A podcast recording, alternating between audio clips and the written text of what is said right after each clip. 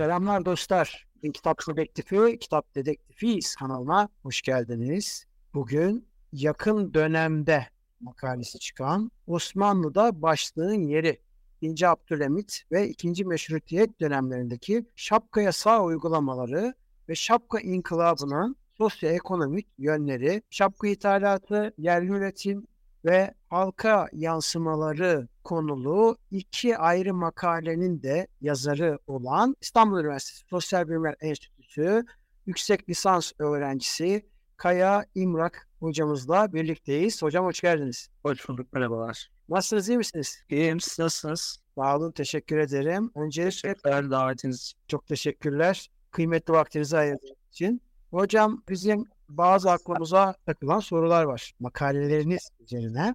İzin verirseniz başlayalım. Tabii buyurun. Şimdi hocam Osmanlı dönemlerindeki başlık meselesi yani aslında bir bizim tabirimizle modern ismiyle bir şapka meselesi var.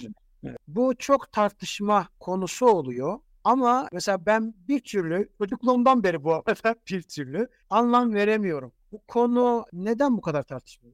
Gerçekten kime sorsanız bu konuyla ilgili mutlaka bir şey söyleyecektir. Bir de biraz işin sansasyonel de bir tarafı var. Daha doğrusu pragmatik bir tarafı var. Çünkü şapka inkılabı nedeniyle. Ama tabii bunun çok daha eski kökenleri var. Yani 2. Mahmut'a kadar götürebileceğimiz kökenleri var. 1929 yılında 2. Mahmut'un bir kıyafetle ilgili bir fermanı var. Burada bir Osmanlı kıyafetlerinde bir dönüşüm görüyoruz. Yani ceket, pantolon ve ayakkabı giymeye başlıyorlar artık Osmanlılar. Bu şöyle bir şeye yol açıyor. Aslında Osmanlı'nın bir Avrupalı görünümü açıyor. Fakat şöyle bir başlık tercih yapıyorlar. Fesi tercih ediyorlar. Fes de o dönem aslında Yunan başlığı olarak biliniyor. Bunun kırmızı rengi tercih ediliyor. Takım elbiseni giyebileceğimiz şeyin üzerine fes giyiliyor. Diğer yandan Avrupalılar da bu dönemde Osmanlı'da çokça görülüyor artık 19. yüzyıl. Avrupa'nın sanayileşme hamlesini yaptığı artık dışarıya daha çok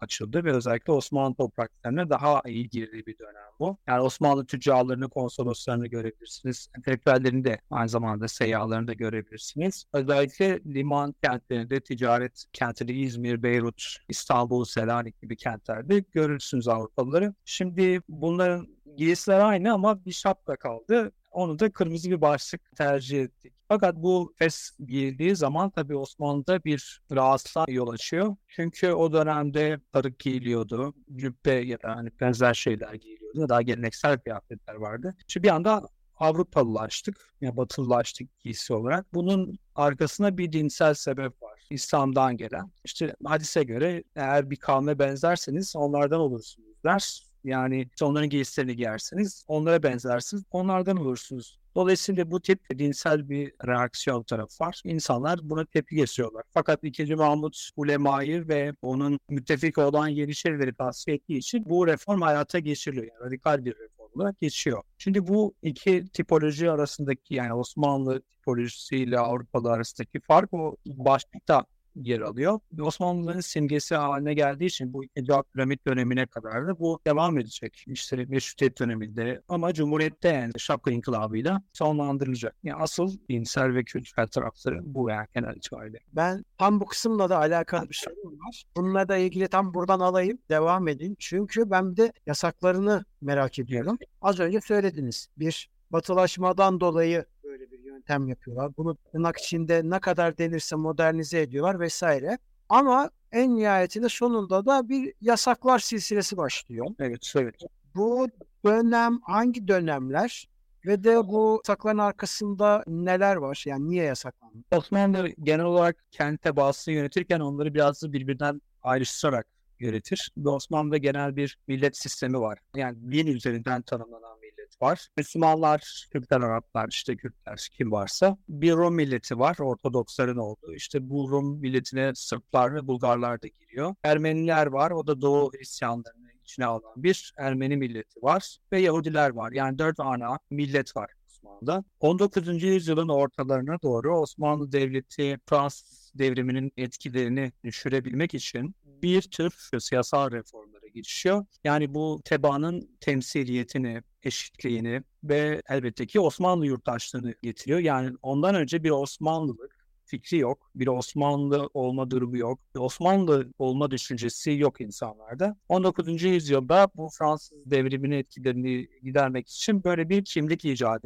ediliyor. Çünkü milliyetçilik ayaklanmaları daha 19. yüzyılın başında yani 1815 den başlıyor. İşte Sırplar, Rumlar isyan ediyor. Daha sonra bunlar daha çok bölgelere yayılacak ve Yunanlar mesela 1830'da artık bağımsız bir devlet olarak ayrılacak. Şimdi bu büyük bir endişe. Bütün imparatorluklar için ulusların kendi kaderini tayin hakkı fikri ürkütücü bir fikir. Böyle olunca da imparatorluklar ulus devletlerin bazı şeyleri taklit ediyorlar. Vatandaşlık gibi, işte tebaanın eşitliği gibi, işte siyasal temsil gibi. Fakat bu akımın önünde durmak mümkün olmuyor ve Osmanlı Devleti kademe kademe ayrılacak. Fakat ayrılacak diye de vazgeçeyim falan diyemiyorsunuz. Osmanlı bu politikayı yürütecek. Yunan Türklere kadar. Hatta Türkçülük bastırılıyor. Bu fikri geri plan tutuyorlar. Çünkü Osmanlı'yı hala bir arada tutmaya çalışıyorlar. Ve geç de uluslaşıyorlar. Meselenin böyle bir politik tarafı var. Vatandaşlıkla ilişkili tarafları var. Şimdi yasak konulmaya başlandığı zaman şimdi biz bir Osmanlı tipolojisi dedik. Osmanlı vatandaşı böyle olur. Osmanlı memuru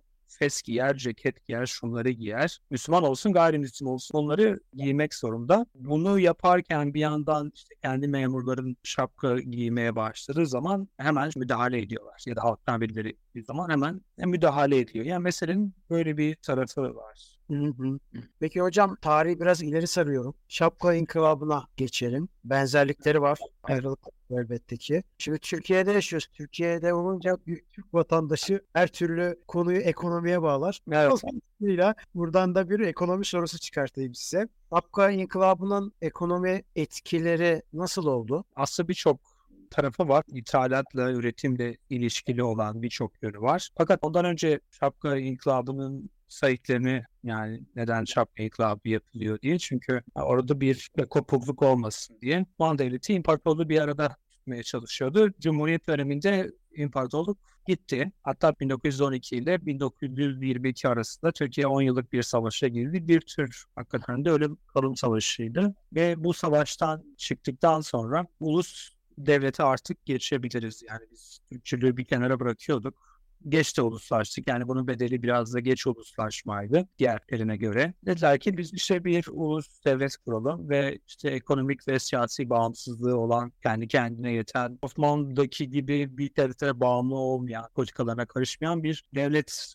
hayal ediyorlardı. Bunun için de Osmanlı batılılaşmasından daha radikal, daha kararlı bir düşünceleri vardı. Çünkü Atatürk olsun yani 1880'ler kuşağı İsmet İnönü, işte Yakup Kadri, Fahri Rıfkı hepsi 1880'lerde doğmuş isimler. Bu kuşak pozitivist felsefeden, rasyonalizmden etkilenmiş insanlar. Fransız düşüncesinden oldukça etkilenen insanlar. Dolayısıyla bu fikirler o geleneksel düşünceye baskın çıkıyor. Mesela Namık Kemal Batı'nın ileride olduğunu kabul eder ama Müslümanların daha medeni olduğunu söyler. Fakat Ziya Gökalp'te de Atatürk'te de bir kopma vardır. Yani Batı'nın aslında üstünlüğü kabul ediliyor. Bilimsel anlamda, diğer anlamlarda da kabul ediliyor ve bu sefer de batılaşmak şeyini hissediyorsunuz. Bunu zaten devletin bütün kurumlarında görebiliriz. Rejimi olabilir, maliyesi olabilir. Hepsinden bahsedebiliriz. Kılık kıyafette bunun bir parçası. Osmanlı'da şapka giydikleri zaman şöyle bir Türk algısı var Avrupa'da. Türkler medenileşebilir mi? Bunlar bir devlet koruyor ama bu kurumlar burada tutar mı? Demokrasi olur mu gibi birçok oryantalist şeyler de var. Şimdi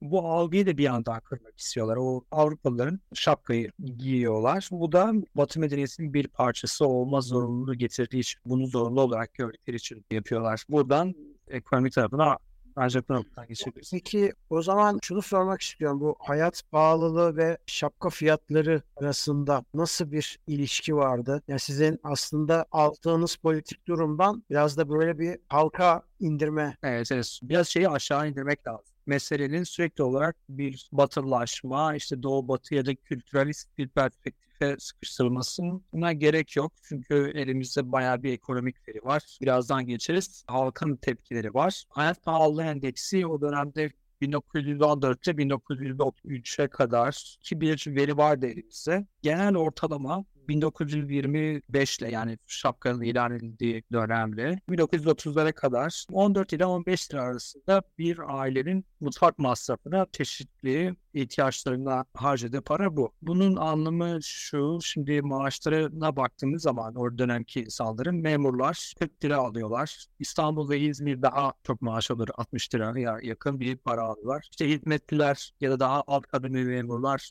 20-30 lira civarında para alıyorlar. Şimdi bunları düşünelim. 40 lira paranız var. 15 lirası bu ihtiyaçlara, genel ihtiyaçlara gidiyor. Kirayı daha katmadan söylerim İstanbul'dakiler için ya da diğer memurlar için. Şapkanın fiyatı 5 ila 7 lira arasında değişiyor. Şimdi bu çok pahalı. Zaten ithal ürünler bunlar. Şapka ilan edildiği zaman bir anda 830 bin tane şapka alınıyor. Bunun maliyeti ithalatın %0.48 oranına denk geliyor. Yani aslında maliyetli de bir şey. Fakat bunu FES'le karşılaştırmak lazım. Cumhuriyet döneminde şapka inkılabına kadar bir de FES ithal ediyor. Bu da 160 tonla 170 ton arası FES ithal ediyorsunuz. Yani aslında şapkadan daha pahalı bir ithal kaleminiz var. Fes'le. Atatürk Kastamonu'ya giderken orada insanlarla konuşuyor. İşte birisi diyor ki ya bir terziye giriyor. İşte ya bir şapka verse diyor. Fes var başında. Etrafına sarık sarmış. İçinde de takya var. Ya diyor ki bunların diyor, hepsi diyor yabancı diyor bunların parası diyor. Diyor işte kendimiz bir tane başlık bulalım. Hem medeni olalım. Dünyaya bunu kanıtlayalım. Görünüşümüzle, her şeyimizle, işte sistemimizle diyor. Yani işin mesela ekonomik tarafı hakikaten önemli ve halkın mesela memurlara ödenekle çıkarılıyor bu dönemde. Çünkü gerçekten zor. Özellikle kent merkezlerinde hani kiraları ve diğer ihtiyaçları düşünürsek bazen bu devlet verdiği bu yardımları affediyor. Bir yıl sonra, iki yıl sonra ödeyemiyor. Birkaç yıl geçiyor gene ödeyemiyor insanlar maliyetinden dolayı ve bundan vazgeçiyor.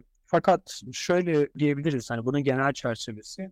Devlet şapkayı ithal ederken ithalat tablosunu düşürelim orada FES yazıyor. Onun yerine 1925 yılı için oraya bir şapka koyalım. Aynı maliyet. Yani onun yerine geçiyor. Yani yeni bir yük yok. Sonraki yıllar siz artık onu üretmeye başlıyorsunuz. 1929 yılında, 30 yılında artık önemsiz bir ithalat maddesine düşüyor şapka. Çok düşük bir oranda. 0.10'a kadar düşüyor. Bu da belli bir piyasa talebinden kaynaklanabilir. Yani batıda üretilen bazı insanların zevkine göre alabildiği şeye inebiliyor. Fakat FED 2. Mahmut FES'i yaptığı zaman başlarına giydirdiği zaman bir fesane falan kuruluyor. Fakat bütün fesi e, Avusturya üretiyor. İşte İtalya'dan alıyoruz. Ana tedarikçi İtalya ve Avusturya. Avusturya Bosna'yı hak ettiklerinde boykot ediliyor. Avusturya işte fesleri boykot ediyorlar. Çünkü birinci tedarikçi o. Osmanlı aslında kendi ana başlığını Osmanlıların simgesi denilen başlığı kendisi üretemiyor. Avusturya'dan, İtalya'dan alıyor. Cumhuriyet bir başlık alıyor. İlk başta bunu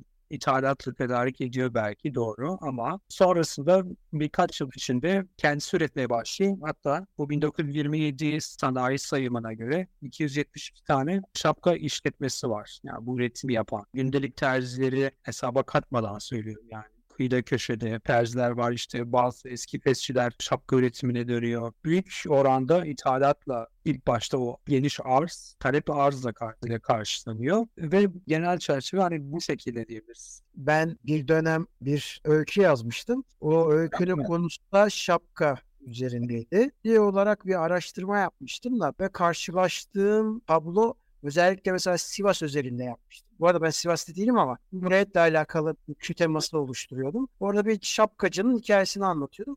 Ve dolayısıyla Sivas'ta satılan şapkaları bir araştırmıştım. Ve çok ciddi şapkacıların kar yaptıkları, ciddi evet. tekeller oldukları bir noktadan sonra ve şapka alamayanların da sırf o vergiden ve zorunluluktan kaçabilmek için ciddi zararlara uğradıklarını görmüştüm. Ben hayret etmiştim yani. Çünkü şunu demek istiyorum. O kadar da gelişmemiş bir tırnak içinde ne kadar denebilir bilmiyorum ama şehirden bahsediyoruz sonuç itibariyle. Bakacağım sizin çalışmanızda hatta işime yarayabilir bazı konularda. Tekrar şu daha geniş bir yazı daha yazacağım o sefer popüler bir dergi için o işe yarayabilir. Cumhuriyet'in miras aldığı şehirler İstanbul dışında İstanbul, İzmir bu şehirler yani büyük şehirler. Fakat Ankara yani Cumhuriyet'in başkenti olduğunda bir kasaba 25 bin nüfusu olan bir yer. Diğer şeyleri düşünelim onlar daha küçük ölçekte nüfuslar. %80'i köylü olan bir toplumdan bahsediyoruz. kapitalist üretim ilişkilerinin uğramadığı, makinenin çok uzak olduğu bir yerde ulaşım olanakları ulusal bir pazarın olmadığı bir şeyden bahsediyoruz. Ve burayı bütünleştirmek, buraya yeni bir bir anda şapka geçiyorsunuz ama hani insanlara da çok baskı yapmıyorlar. Bu olanaklardan, ekonomik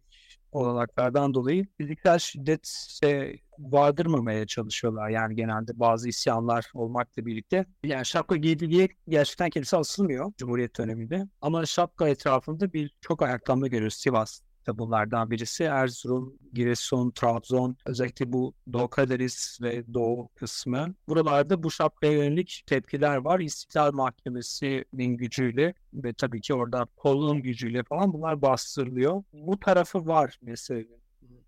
Son olarak hocam şunu sormak istiyorum. Bu inkılabın aslında daha deminden beri çevresinde dolanıyoruz ama tam olarak içine girmek açısından halkın kültürel ve dini etkileri nasıl oldu bu şapkanın?